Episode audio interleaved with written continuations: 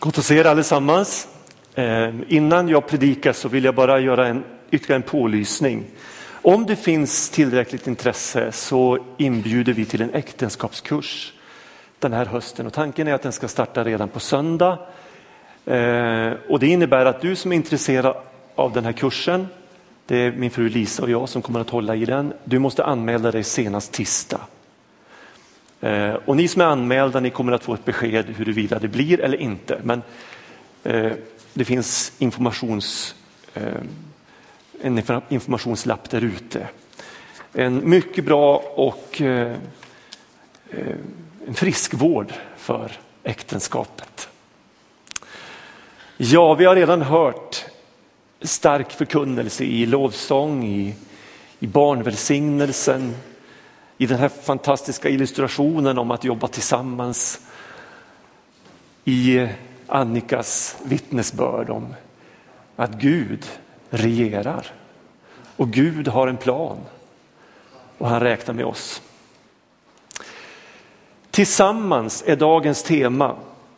Och jag skulle vilja läsa samma bibelställe som har läst de två senaste söndagarna när det har predikats här ifrån kyrkan. Efesierbrevet 3, den 14 versen och några verser framåt. Och den här texten som ni ser på duken och som jag kommer att läsa är från en översättning som heter The Message. Jag faller på knä inför Fadern, Fadern över alla andra fäder i himlen och på jorden och ber honom att stärka er med sin ande inte med råstyrka utan med en underbar inre styrka så att Kristus flyttar in och bor i er när ni lämnar dörren öppen för honom. Och jag ber honom att ni ska stå med båda fötterna stadigt på kärlekens grund så att ni tillsammans med alla Kristus troende kan ta till er Guds kärleks, Kristi kärleks oerhörda dimensioner. Upplev dess vidd, pröva dess längd, loda dess djup, känn dess höjd. Lev till fullo, fyllda av Guds fullhet. Tittar vi på Bibel 2000 så står det så här från vers, slutet på vers 18. Så att ni tillsammans med alla de heliga förmår fatta bredden och längden och höjden och djupet och lära känna Kristi kärlek som är väldigare än all kunskap tills hela Guds fullhet uppfyller er. Det viktigaste ordet i den här gudstjänsten och i min predikan idag det är ordet tillsammans. Församlingen, alla Kristustroende som det står i den här texten eller alla de heliga som det står i 2000 översättningen, har tillsammans ett oerhört uppdrag, ett vackert uppdrag att förverkliga Guds vilja på jorden. Och man kan ju fråga sig, är det här en alltför frimodig översättning som finns i The Message? När, när eh, översättaren har skrivit alla Kristustroende alla de heliga, är inte det någon lite mer eh, helgad grupp av Kristustroende? Är inte det någon liten mindre grupp av ledare eller speciellt utvalda? Eller? Nej, vet ni, jag tror att han har helt rätt när han översätter texten med alla Kristustroende. De heliga är alla Kristustroende. Tillsammans, män och kvinnor, Unga och äldre, svenskar och invandrare, katoliker och pingstvänner. Alla Kristus troende tillsammans. Och det här tror jag är oerhört viktigt. Paulus skriver längre fram i ett av sina brev, här är inte längre man eller kvinna, slav eller fri, jud eller grek, alla är vi ett i Kristus Jesus. Och om nu Gud i Kristus har mottagit oss så är vi också skyldiga, står det faktiskt i Bibeln, att godta varandra. Tillsammans. Vi tänker kanske instinktivt när vi läser tillsammans med alla Kristustroende, ja då är det de som är som vi, som tycker som vi, som vi trivs tillsammans med och som, har lätt, som vi har lätt för att samarbeta med. Men tänk om utmaningen är så mycket större som faktiskt den här texten antyder. Tänk om Gud har lagt fullheten i en mycket, mycket större skål. Och att fullheten kommer att jäcka oss så länge vi inte öppnar oss helt för Guds hjärta. Tänk om vi inte får uppleva Kristi kärleks oerhörda dimensioner om vi inte med Guds hjälp ständigt vidgar våra perspektiv. Ständigt spränger gränserna. Gud är större. Gud är större borde stå på våra badrumsspeglar, på våra kylskåp, på våra bilrutor som en påminnelse om att vi aldrig blir och aldrig får bli färdiga på den här sidan evigheten. Gud är större. Hans plan är mycket, mycket större än allt vad vi kan bedja eller tänka ut. Och utmaningen är att göra oss mer och mer öppna för den Gud som har älskat världen till frälsning genom Jesus Kristus och som vill att alla människor ska upptäcka det. Kristi triumftåg är större än våra kyrkväggar. Kristi triumftåg är större än våra trygghetszoner. Gud håller på och vi får av nåd vara en del av detta stora drama. Månadens tema, september månads tema i vår kyrka är just visionen, vår vision. Och låt mig bara påminna om vår vision. Vi vill hjälpa människor till livet med Jesus genom att leva nära Gud, varandra och samhället. Och jag har med versal stil förstärkt några ord som jag tror är nyckelord i den här visionen. Att hjälpa Jesus och nära. Bara för skojs skull, jag förkortade den ytterligare när jag predikade här för 14 dagar sedan. Vi vill hjälpa människor till Jesus genom närhet. Låt mig nyansera perspektiven. Vi lever i en väldigt allvarlig tid. Världsläget är mer instabilt än på, på länge. Kanske har världsläget aldrig varit så instabilt som det är idag. Världens ledare sliter med till synes omöjliga utmaningar. Kampen mot terror, kampen mot klimathot, vacklande ekonomier är väldigt svåröverskådliga problem. Hoten kräver samarbete och det finns de som har sagt att den generation som nu växer upp är den första generation som måste lägga ett globalt perspektiv på varje vardagligt beslut.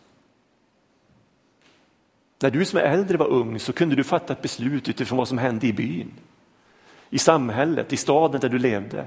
Idag måste unga människor lägga ett globalt perspektiv på i stort sett varje beslut. Vi behöver varandra mer än någonsin på det här jordklotet. Hoten kräver samarbete. Till skillnad mot tidigare så lever vi som världsmedborgare i en sorts ögonblicklig virtuell realitet. Vi exponeras för världens problem som aldrig förr. Och situationen kan lätt bli, upplevas övermäktig. Den kan bli förlamande, den kan bli destruktiv. Anarkin ligger om hörnet när förtroendekriserna för världens ledare vacklar. Och risken är att var och en börjar se om sitt eget hus. Att alla springer åt varsitt håll istället för att samarbeta. Får jag ta en liten bild, ett fenomen. När, du, när det inträffar en naturkatastrof eller en, en, en översvämning, en jordbävning eller någonting sånt så är det som att alla etiska och moraliska värderingar sätts ur spel och var och en försöker rädda sitt eget skinn. Butiker plundras och beslut på individnivå hotar den nödvändiga samling som krävs för att reda ut den situationen. Världen behöver ledarskap och världens ledare behöver handlingskraft. Och därför uppmanas trons folk, du och jag, att be för all överhet som om den vore tillsatt av Gud själv. Det är faktiskt Bibelns uppmaning. Och vår bön måste vara att de får nåd att handla rätt. Men, och det här är ett viktigt men, vårt hopp som de heliga, som de Kristustroende, som Guds folk, står inte till världens ledare utan till Gud. Som troende uppmanas vi att lyfta blicken, att hämta styrka hos Herren. Vi väntar ingen katastrof i första hand, utan Jesu återkomst. Vi alla Kristustroende behöver förstå att alla människor hör ihop och att församlingen inte först och främst världens politiska eller ekonomiska ledare är Guds viktigaste redskap för att förverkliga Guds vilja på jorden. Församlingen är Guds viktigaste redskap för den här världen. Möjligheten att förändra finns inte i första hand i de stora sammanhangen utan i de små sammanhangen. Församlingen är världens viktigaste förändringsfaktor. Därför att den connectar med honom som är fadern över alla andra fäder i himlen och på jorden. Så skrev Paulus. Låt mig påminna om det jag sa om församlingens identitet i min predikan på högtidsmötet här för 14 dagar sedan. Så här står det om församlingen i Guds eget ord. Församlingen är formad i Guds tanke före världens skapelse. Den är Kristi kropp på jorden genom vilken härskarna och makterna i himlarymderna skulle få kunskap om Guds vishet i hela dess mångfald. Den är sanningens pelare och grundval. Den är en byggnad som har apostlarna och profeterna till grund och Jesus själv som hörnsten. Han håller ihop den och genom honom växer den upp till ett heligt tempel. Vår identitet i Gud. Vår identitet i uppdraget. Församlingen har fått uppdraget att upplysa alla om planen med den hemlighet som från världens början varit dold hos Gud som har skapat allt. Nu skulle härskarna och makterna i himlarymderna genom kyrkan få kunskap om Guds vishet i hela dess mångfald. Detta var den avsikt med världen som han förverkligade i och med Kristus Jesus, vår Herre. Förlorar vi tron på att det betyder något vad vi gör i våra vanliga vardagliga vardagsmöten så förlorar världen sin viktigaste förändringsfaktor. Och vi förlorar också vår värdighet som trons folk. Vill du göra en skillnad så behöver du drivas av övertygelsen att det betyder något vad du gör av ditt liv. Hur du relaterar till andra människor. Ingen lever för sig själv, ingen dör för sig själv. Så står det i Bibeln. Stora förändringar börjar med små steg i rätt riktning i vardagens små beslut. Och när jag förberedde mig så ledde mig Gud att vara väldigt konkret. Vår identitet, vårt ansvar här i Lidköping, det här är vår utmaning. Och jag vill läsa ett bibelsammanhang lite längre fram i Efesierbrevet där Paulus skriver så här. Se till att ni förnyas i ande och förstånd och att ni klär er i den nya människan som har skapats efter Guds bild. Med den rättfärdighet och den helighet som hör sanningen till. Lägg därför bort lögnen och tala sanning var och en till sin nästa. Vi är ju varandras lemmar. Grips ni av vrede så synda inte. Låt inte solen gå ner över er vrede. Ge inte djävulen något tillfälle. Den som stjäl ska sluta stjäla och istället arbeta och sträva med sina egna händer så att han kan dela med sig av sitt goda åt dem som behöver honom. Åt dem som behöver. Öppna inte munnen för ofruktbart prat utan säg bara sådant som tjänar till att bygga upp där det behövs så att det blir till välsignelse för dem som hör. Gör inte Guds helige ande bedrövad, den är sigillet som utlovar frihetens dag åt er. Gör er av med all elakhet, vrede och häftighet, med skymford och förolämpningar och all annan ondska. Var goda mot varandra, visa medkänsla och förlåt varandra, liksom Gud har förlåtit er i Kristus. Ta alltså Gud till föredöme som hans älskade barn. Lev i kärlek Så som Kristus har älskat oss och utlämnat sig själv för vår skull.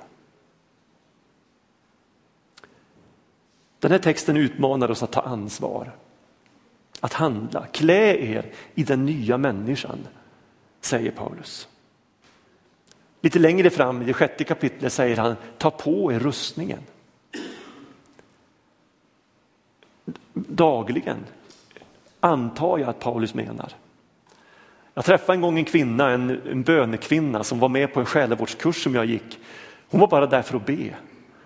Och hon fick lite, några minuter i början på den här kursen och så berättade hon att så här gör jag varje dag, varje morgon när jag vaknar. Så tar jag bokstavligt talat på mig rustningen. Jag, jag tar, tar sanningen som bälte runt min midja, jag sätter på mig rättfärdighetens klädnad. Jag sätter frälsningens hjälp på mitt huvud och villighetens skor på mina fötter. Jag tar trons sköld, för jag vet att med den kan jag få den ondes alla brinnande pilar att slockna. Och jag griper frälsningens andens svärd som är Guds ord. Och så ber jag i min ande varje stund. Och jag glömmer aldrig det här enkla vittnesbördet från den här gudskvinnan. Hon tog det här på allvar. Hon förstod att det handlade om liv och död. Hon förstod att hennes beslut i vardagen är den viktigaste förändringsfaktorn för den här världen. Hon tog det på allvar. Paulus har jättemycket att säga om den nya människan, men jag vill koncentrera mig till vers 32. Och resten av predikan ska jag stanna inför den versen som jag har lyft fram där. Var goda mot varandra, visa medkänsla och förlåt varandra, liksom Gud har förlåtit er i Kristus. Var goda mot varandra. Jag skulle tro att vi alla har erfarenhet av vad en atmosfär av godhet får för effekt på människor. En enkel gemenskap kan åstadkomma mirakler om atmosfären är den rätta. En atmosfär genomsyrad av godhet. Vad, är, vad innebär det då att vara goda mot varandra? Hur är vi goda? För det första, tänk gott om andra. All godhet mot andra börjar med att vi tänker gott om dem. Och kanske är det dags för en inventering av dina tankar om andra. Finns det människor som du inte tänker gott om? Då är den stora utmaningen för dig att hitta vägar att börja tänka annorlunda. Gud nöjer sig inte med mindre än att du och jag tänker gott om alla. Naturligtvis innebär inte det att allt hos alla är värt att tycka om. Vissa saker måste vi bestämt ta avstånd ifrån.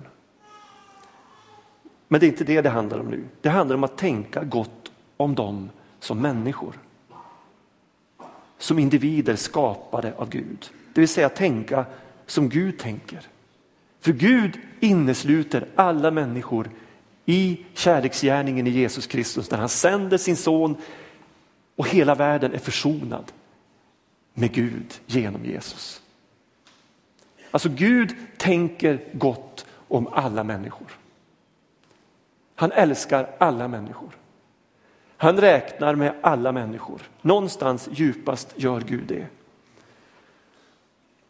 Och därför behöver vi tänka att varje människa är en människa som Gud i sin kärlek har gett sitt liv för. Bakom allt det som inte är så sympatiskt finns det goda fröet. Det som kommer att ta överhanden om det bara får växtplats och växtkraft. Det handlar om att tro att kärleken övervinner allt.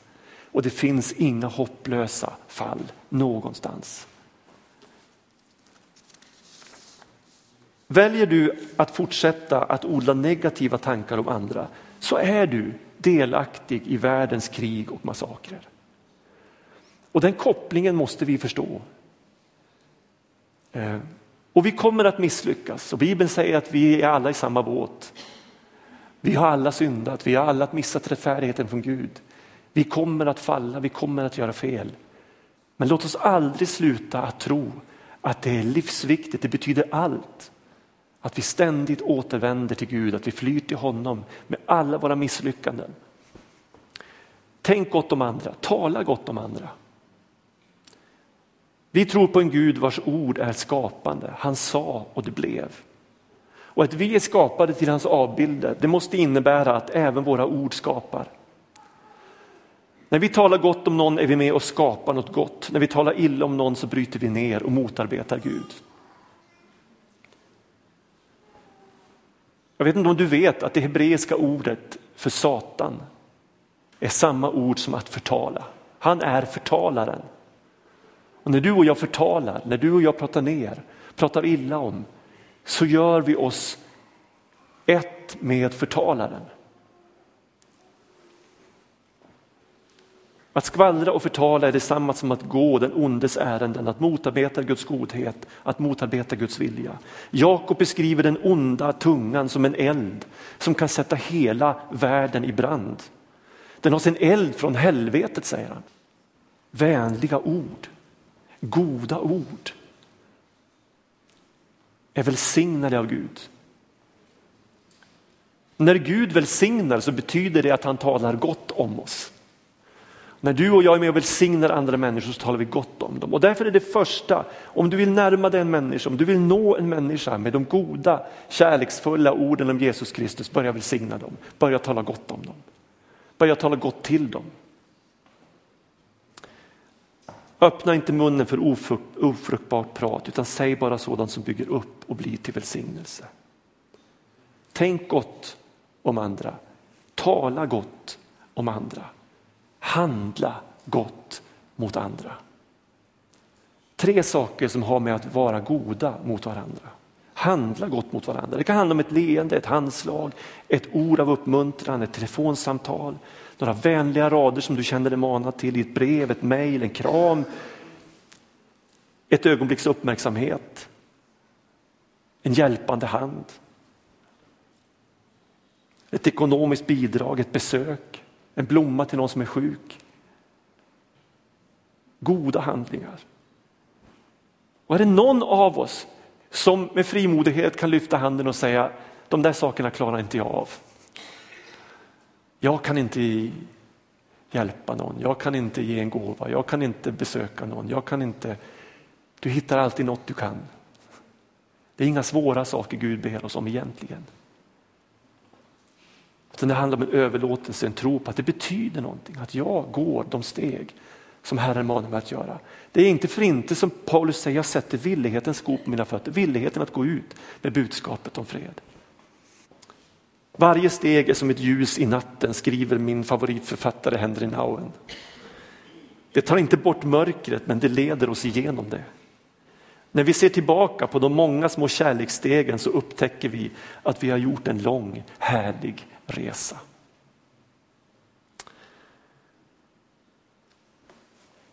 Det andra Paulus säger är visa medkänsla. Var goda mot varandra, visa medkänsla. Här använder vissa bibelöversättare ordet barmhärtighet, visa barmhärtighet, visa medkänsla. Var barmhärtiga mot varandra. En annan bibelöversättare, Hedegård, han skriver var vänliga och hjärtliga mot varandra. Medkännande, barmhärtiga, hjärtiga. Vilket ord vi än använder så handlar det om ett djupt engagemang för andra människor. Det handlar om ett karaktärsfast hjärta som är inställt på att hjälpa och tjäna andra människor. Det är betydelsen av det här uttrycket. Och så långt jag kan förstå så är det här samma ord som används när Jesus i Matteus eller när, när, när Matteus skriver om Jesus i Matteus 9, när Jesus såg människorna så fylldes han av medlidande. För dem, för de var illa medfarna och hjälplösa som får utan herde. Medlidande. Det här ordet det, det har med våra inälvor att göra, det går djupast i vårt innersta. Alltså Jesus blev så gripen i sin, i sin innersta, i magen, i det innersta av känslor. Att hela hans, hela hans personlighet blev involverad. Så kände han för människorna. Ett engagemang på djupet, en äkta omsorg. Och bara för att ge en, en, en, bild av detta, låt mig bara ge en kort glimt ifrån vi hade begravning här förra veckan. En kär broder och vän, Thomas Karlsson, begravdes. Vi hade gudstjänst, vi hade minnesstund. Kyrkan var fullsatt. Ännu mycket mer fullsatt än idag. Det var nästan fullsatt till sista plats. Och på minnesstunden så var det flera som gripna förundrades över att Thomas, som aldrig hade något behov av att stå här eller synas eller ha någon framträdande roll, en ganska lågmäld person, kunde göra sånt oerhört intryck på så många människor. Och det är det jag bär med mig från den här minnesstunden. Vad var hemligheten? Jag tror att vi hittar det här. En man som var god mot andra. En man som visar medkänsla. Jag mötte det ofta hos Thomas. Jag mötte den här godheten. Jag mötte den här medkänslan. Och det betyder någonting, det sätter spår. Det gör skillnad. Låt oss inte krångla till det.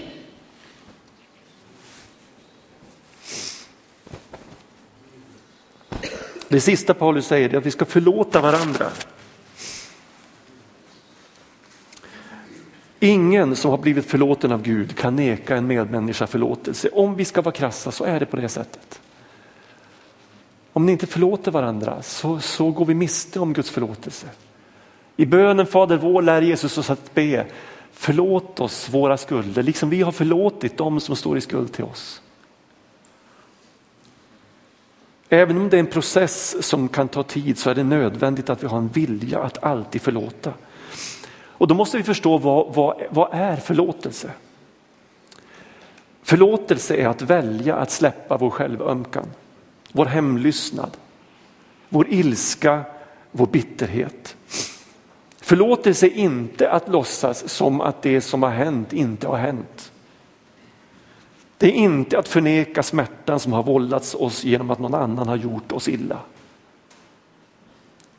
Förlåtelse är att lämna den som sårat dig i Guds händer.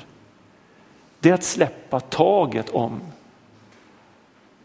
rätten att tycka synd om mig själv, rätten att hämnas, rätten att, att älta, rätten att visa ilska och bitterhet. Att släppa taget om allt det. För Gud, återigen, Gud är större. Bara han har hela bilden. Bara han har rätten till domen. Och istället finns en uppmaning att om din fiende, om du har fiende så bjud hem dem på mat. Visa godhet mot dem. Besegra det onda med det goda. Alltså utmaningarna är så stora och fantastiska och det är inte för att, att vi ska må dåligt, det är för att vi ska må bra. Därför att vi väljer en väg som är överlägsen alla andra vägar. Den enda väg som någonsin kommer att segra i den här världen. Det är att lyda Gud och följa honom och förlåta. Och be om nåd att få göra det från hjärtat. Det är att överlämna det som sårat dig i Guds händer. Det här gäller även om den som har gjort dig ont inte ber om förlåtelse. Eller ens förstår vad han har gjort. Du kan alltså förlåta någon redan innan den personen ber dig att göra det.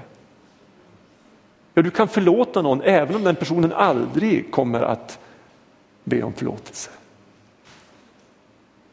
För förlåtelsen har alltid två sidor. Att vara kristen och att vara förlåtande är samma sak.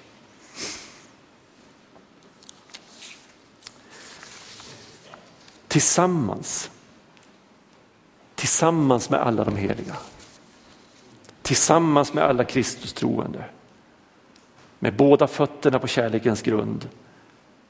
Öppen för Guds kärleks oerhörda dimensioner. Upplev dess vidd, pröva dess längd, loda dess djup, känn dess höjd, lev till fullo, fyllda av Guds fullhet. Var goda mot varandra, visa medkänsla, förlåt varandra. Jag mår gott bara av atmosfären kring den här formuleringen. Den andas frid, den andas hopp, den andas möjlighet. Intuitivt vet vi att om vi följer den här uppmaningen så är vi med och förändrar världen. Tillsammans.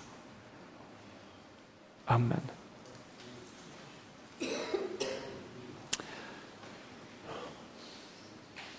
Vi tar bara några en kort stund och låter ordet sjunka in. Herre, när vi nu ska fira nattvard, tack att vi inte behöver pröva oss själva och sen gå bedrövade bort. Utan vi får pröva oss själva och sen ta del av det bord som du bjuder till. För du har inneslutit hela världen i din kärlek och i din försoning. I din nåd. Tack att det inte finns något som inte ditt, ditt blod rår på. Tack att du har gått djupare än vad någon människa någonsin har gått. För att ingen människa skulle falla utanför det frälsningserbjudande som du har gett oss. Tack att jag får vara med. Tack att alla som sitter här får vara med. Alla som hör den här gudstjänsten via radion. Alla som kommer att lyssna på den här predikan i efterhand. Tack att alla får vara med. Hjälp oss att tillsammans vila på kärlekens grund, vidöppna för det liv som du vill visa oss. I Jesu namn. Amen.